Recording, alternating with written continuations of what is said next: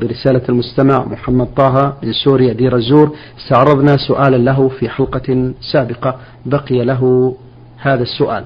يقول المستمع هل تجوز قراءة القرآن على الميت؟ وعندنا عندما يدفن الميت نقرأ عليه سورة ياسين والفاتحة مرتين. ما حكم الشرع في نظركم في هذا مأجورين؟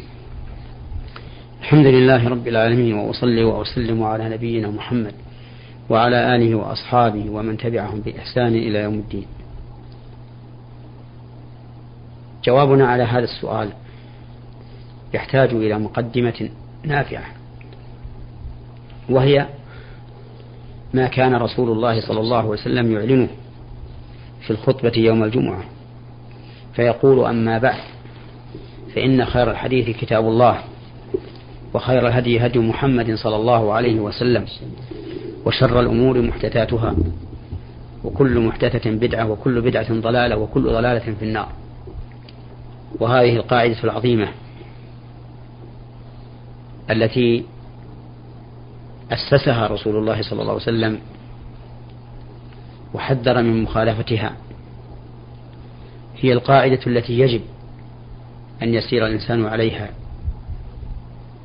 في دينه في عقيدته في قوله في فعله في تركه. خير الحديث كتاب الله. خير الهدي هدي محمد صلى الله عليه وسلم. شر الأمور محدثاتها. كل محدثة بدعة كل بدعة ضلالة كل ضلالة في النار. وإذا طبقنا هذا العمل الذي أشار إليه السائل وهو أن يقرأ على الميت بعد دفنه. سورة ياسين وسورة الفاتحة. أو قبل دفنه سورة ياسين وسورة الفاتحة. إذا طبقناه على القاعدة التي أسسها رسول الله صلى الله عليه وسلم وأعلنها لأمته وجدنا أن هذا العمل بدعة وكل بدعة ضلالة. وأقصى ما ورد في ذلك ما يروى عن رسول الله صلى الله عليه وسلم أنه قال اقرأوا على موتاكم ياسين. والقراءة هنا ليست عليه بعد موته لأنه لا يستفيد منها شيئا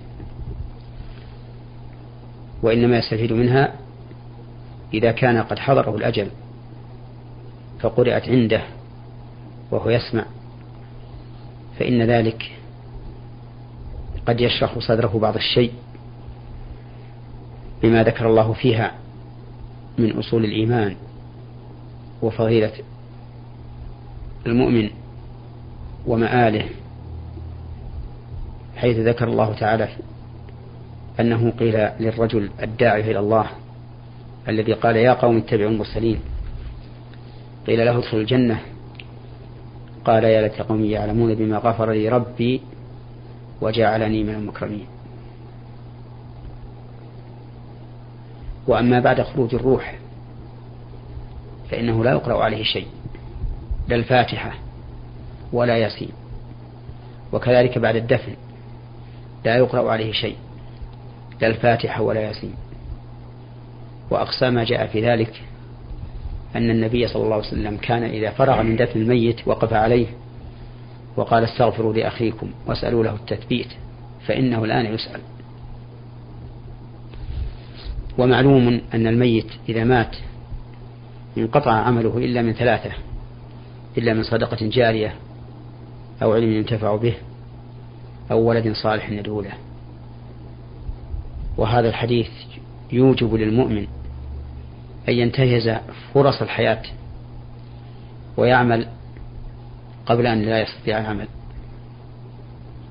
يأخذ من حياته لموته ومن صحته لسقمه ومن غناه لفقره ومن فراغه لشغله حتى يكون حازما منتهزا للفرصة. فالميت إذا مات فإن أفضل ما نهدي إليه أن ندعو الله له بالمغفرة والرحمة وأن يفسح له في قبره ويوسع له فيه وأن وأن يفسح له في قبره وينور له فيه وأن يدخله الجنة ويعيده من النار وأن يتجاوز عن سيئاته.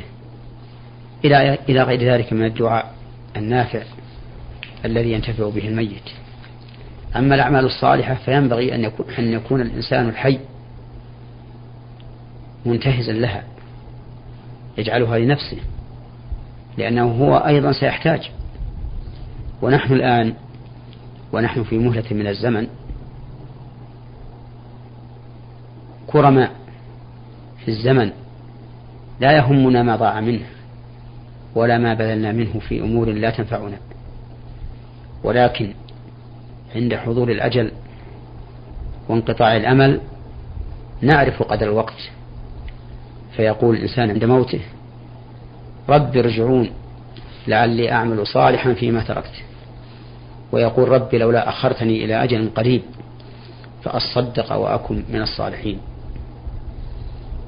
فنصيحتي لنفسي ولإخواني انتهاز الفرصة ما دام الإنسان في زمن المهلة وأن يكثر من الأعمال الصالحة المقربة إلى الله لنفسه هو وأما من مات من أقاربه أو إخوانه أو أصحابه فليكثر لهم من الدعاء فإن الله تعالى إذا استجاب له دعوة يحصل بها النجاة من النار ودخول الجنة فهذا غاية ما, ما يتمناه الإنسان. أو خلاصة الجواب على هذا السؤال أنه لا يسن قراءة الفاتحة ولا ياسين بعد الموت لا قبل الدفن ولا بعد الدفن. نعم. بارك الله فيكم. آه المستمعة قاف جيم من الطائف تقول سمعت في برنامجكم نور على الدرب بأن الذهب إذا بلغ نصابا يزكى ونصابه 92 جرام وأنا عندي ذهب للاستعمال تبلغ قيمته حوالي 3000 ريال ووزنه لا يبلغ نصاب كيف أزكيه على حسب القيمة أم على حسب الوزن؟ وما هو مقدار زكاة النصاب بالريال السعودي؟ أرجو الإفادة. زكاة الذهب تكون على حسب الوزن. فإذا قدر أن هذا الذهب أقل من النصاب وزنا فإنه لا زكاة فيه ولو بلغ ما بلغ من الدراهم. وإذا بلغ النصاب بالوزن فإن فيه الزكاة. وحينئذ تقدر الزكاة بقيمته. فمثلا إذا كان عند المرأة نصاب من الذهب فإننا نسأل كم قيمته؟ فإذا قالوا مثلا قيمته أربعون ألفا فالزكاة فيه ألف ألف ريال. لأن الزكاة واحد من أربعين من أربعين. وإذا قيل إن قيمته ثمانون فالواجب فيه ألفان. وعلى هذا فقس. وأما سؤالها عن نصاب فضة فنصاب الفضة ستة وخمسون ريالا من الريالات السعودية الفضية.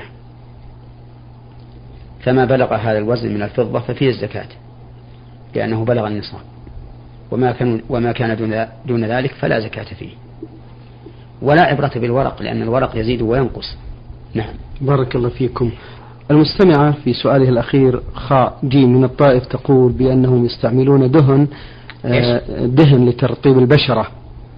وعندما نستعمل هذا نلاحظ أن الماء ينزل من البشرة بسرعة ولكن لا نشعر بالماء. هل هذا الدهن يمنع وصول الماء إلى البشرة في الوضوء للصلاة؟ إذا كان هذا الدهن له طبقة يعني قشرة فإنه يمنع وصول الماء ولا بد من إزالته قبل الوضوء. وإذا لم يكن له قشرة وإنما ينزلق الماء من فوقه انزلاقا فإن ذلك لا يمنع وصول الماء. لكن في هذه الحال ينبغي للإنسان أن يمر يده على العضو الذي يغسله ليتيقن أن الماء مر على جميعه.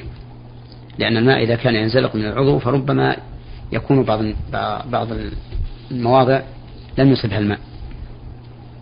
نعم.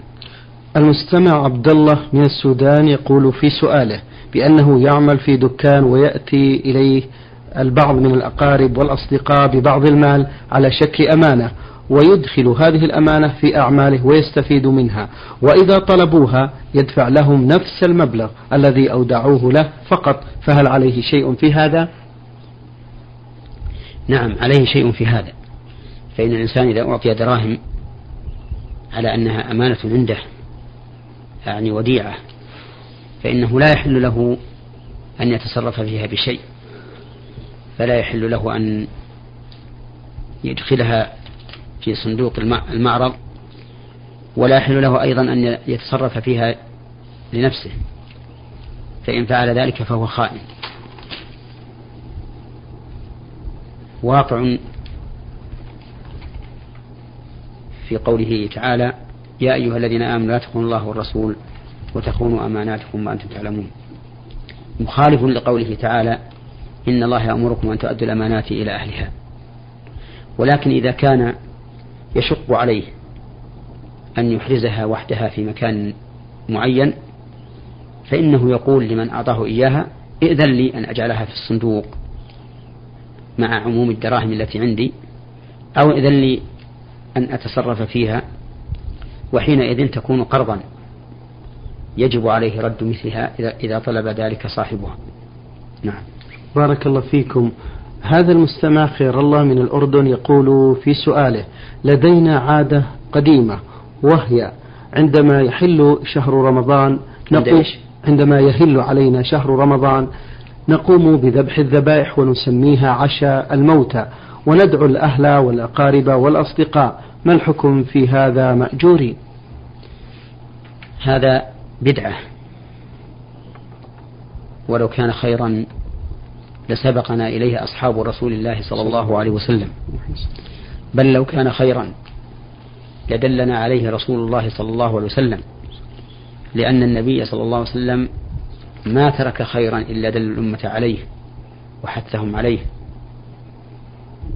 وخير الهدي هدي محمد صلى الله عليه وسلم. ولكن لا بأس أن يكثر الصدقة في شهر رمضان. بالطعام واللباس والدراهم والجاه والنفع البدني وغير ذلك لأن الرسول صلى الله عليه وسلم كان أجود الناس وكان أجود ما يكون في رمضان. حين يلقاه جبريل فيدارسه القرآن فلا رسول الله صلى الله عليه وسلم أجود بالخير من الريح المرسلة. وأما الذبح في رمضان فإن قصد به التقرب إلى الله بالذبح فهو بدعة بلا شك. لأن التقرب إلى الله بالذبح إنما يكون في أيام الذبح في عيد الأضحى والأيام الثلاثة بعده أو في الهدي الذي يهدى إلى مكة إلى الحرم أو في العقيقة التي تذبح للمولود في اليوم السابع من ولادته. وما عدا ذلك فإنه لا لا يتقرب إلى الله بالذبح فيه. لكن لو أراد الإنسان أن يتصدق بلحم وذبح ذبيحة من أجل أن يتصدق بلحمها لا تقربا إلى الله بذبحها فإن هذا ليس من البدعة لأن تفريق اللحم ليس بدعة. ولكن التقرب إلى الله بذبح لم يكن بذبح لم يكن مشروعا هو الذي من البدعة. وأما قول السائل إننا نسميه عشاء الموتى عشاء الموتى فإننا نقول له إن الموتى لا يتعشون ولا يأكلون ولا يشربون ولا ينتفعون بهذا إلا ما كان صدقة وقربة إلى الله. فإنه إذا تصدق عن الميت بما يقرب إلى الله ونواه للميت نفعه على القول الراجح من أقوال أهل العلم إن لم يكن في هذا إجماع في في الصدقة. ولكن مع ذلك ليس هذا من الأمور المطلوب المشروع. للعبد أن يفعله بالنسبة للموتى بل الدعاء للموتى أفضل من الصدقة لهم وأفضل من الحج لهم وأفضل من الصيام لهم وأفضل من الصلاة لهم وأفضل من التسبيح لهم. ودليل ذلك أن رسول الله صلى الله عليه وسلم قال إذا مات الإنسان انقطع عمله إلا من ثلاثة إلا من صدقة جارية أو علم ينتفع به أو ولد صالح يدعو له. فلم يذكر النبي صلى الله عليه وسلم العمل في هذا في هذا الحديث مع أن سياق الحديث في الأعمال. ولو كان العمل للميت من الأمور المشروعة لبينه النبي صلى الله عليه وسلم في هذا الحديث. وعلى هذا فإننا نقول أفضل ما تهدي إلى الميت في رمضان وغيره أن تدعو الله له كما أرشد إلى ذلك رسول الله صلى الله عليه وسلم. نعم. بارك الله فيكم فضيلة الشيخ. هذا مستمع للبرنامج الحقيقة لم يذكر الاسم هنا بعث برسالة يقول في سؤاله يسأل عن كتاب تنبيه الغافلين بأحاديث سيد الأنبياء والمرسلين تأليف الفقيه الزاهد الشيخ نصر الدين محمد بن إبراهيم السمرقندي. يقول أسأل عن هذا الكتاب والأحاديث الذي ورد وردت فيه هل هي صحيحة؟ أفيدونا جزاكم الله خيرا. نعم هذا الكتاب كغيره من كتب الوعظ. نعم. فيه أحاديث صحيحة وفيه أحاديث حسنة وفيه أحاديث ضعيفة وفيه أحاديث موضوعة. نعم. ولهذا لا ينبغي قراءته إلا لطالب علم يميز بين ما يقبل من الأحاديث التي فيه وما لا يقبل ليكون على بصيرة من أمره ولأن لا ينسب إلى رسول الله صلى الله عليه وسلم ما لم يقله أو ما لا تصح نسبته إليه. فإن من حدث عن رسول الله صلى الله عليه وسلم بحديث يرى أنه كذب فهو أحد الكاذبين. وقد صح عن النبي صلى الله عليه وسلم أن من كذب عليه متعمدا فليتبوأ مقعده من النار. فنصيحتي لمن ليس عنده علم بالأحاديث أن لا يقع في هذا الحديث في هذا الكتاب. ومن عنده علم يميز بين الصحيح بل بين المقبول وغير المقبول. ورأى في قراءته مصلحة فليفعل. وإن رأى أنه يصده عن قراءة ما هو أنفع منه له فلا يذهب وقته بقراءته. نعم. المستمع ميم صاد يقول في سؤاله سمعته من بعض الإخوة بأن من مات بالهدم أو الحرق فهو شهيد. ولكن هل يتساوى هذا مع الشهيد في سبيل الله؟ ومن مات بواحد من هذا؟ وهو لا يصلي فهل يعتبر شهيدا؟ نرجو النصح والإفادة بهذا. نعم. هذا الذي ذكره السائل في من مات بهدم أو غرق أو حرق فهو شهيد. صحيح. صح به الحديث عن رسول الله صلى الله عليه وسلم. ولكن لا يعطى حكم الشهيد المقتول في سبيل الله. فإن الشهيد المقتول في سبيل الله يغفر له كل شيء إلا الدين. والشهيد المقتول في سبيل الله لا يغسل ولا يكفن ولا يصلى عليه ويدفن في ثيابه بدمائه كما أمر بذلك النبي صلى الله عليه وسلم في أحد. لأنه يبعث يوم القيامة وجرحه يثعب دما اللون لون الدم والريح ريح المسك. ولأن الشهيد في المقتول في سبيل الله لا يفتن في قبره. أي لا يأتيه الملكان يسألانه عن ربه ودينه ونبيه اكتفاء بالمحنة العظيمة التي حصلت له بالجهاد في سبيل الله حيث عرض رقبته وعرض نفسه للتلف والهلاك إعلاء لكلمة الله عز وجل فكفى ببارقة السيوف على رأسه فتنة. وهذه الأحكام لا تثبت للشهيد في الذي مات بالأسباب التي ذكرها السائل.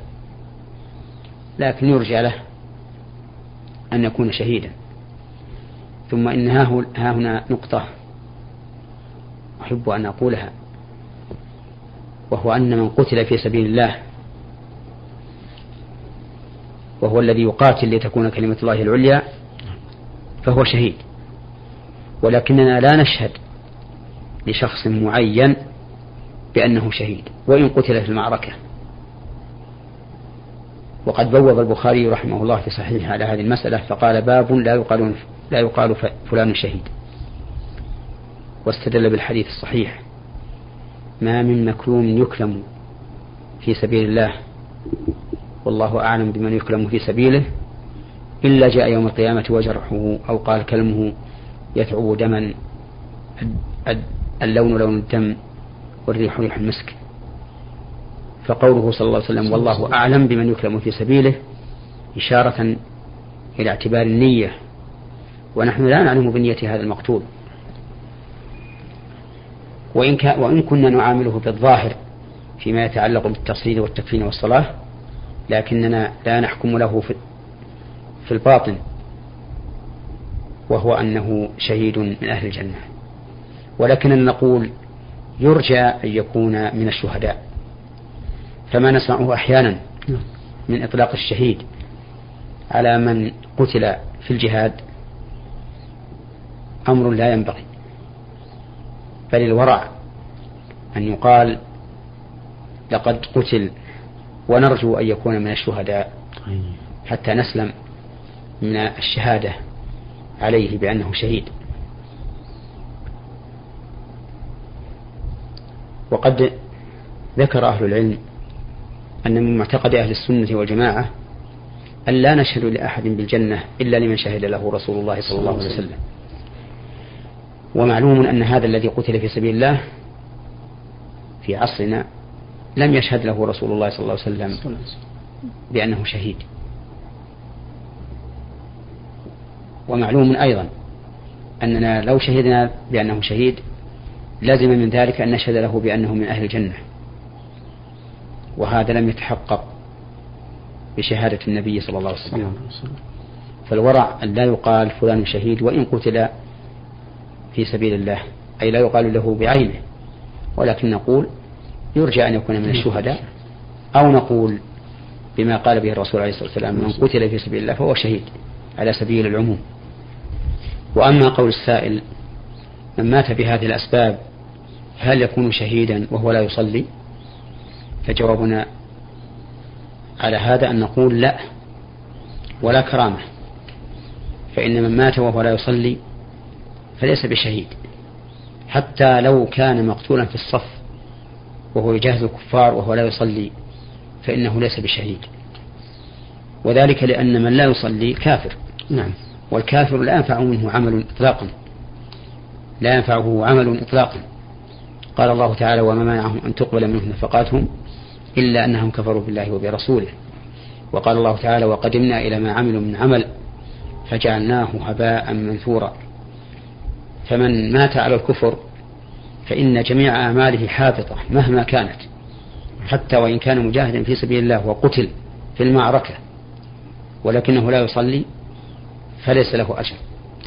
وليس وليس شهيدا ولا كرامة له ويحشر يوم القيامة مع فرعون وهامان وقارون وأبي بن خلف شكر الله لكم من فضيلة الشيخ وبارك الله فيكم وفي علمكم ونفع بكم المسلمين أيها الإخوة الأحباب أيها الإخوة المستمعون الكرام أجاب على أسئلتكم فضيلة الشيخ محمد بن صالح بن عثيمين الأستاذ في كلية الشريعة وأصول الدين في القصيم وخطيب وإمام الجامع الكبير في مدينة عنيزة.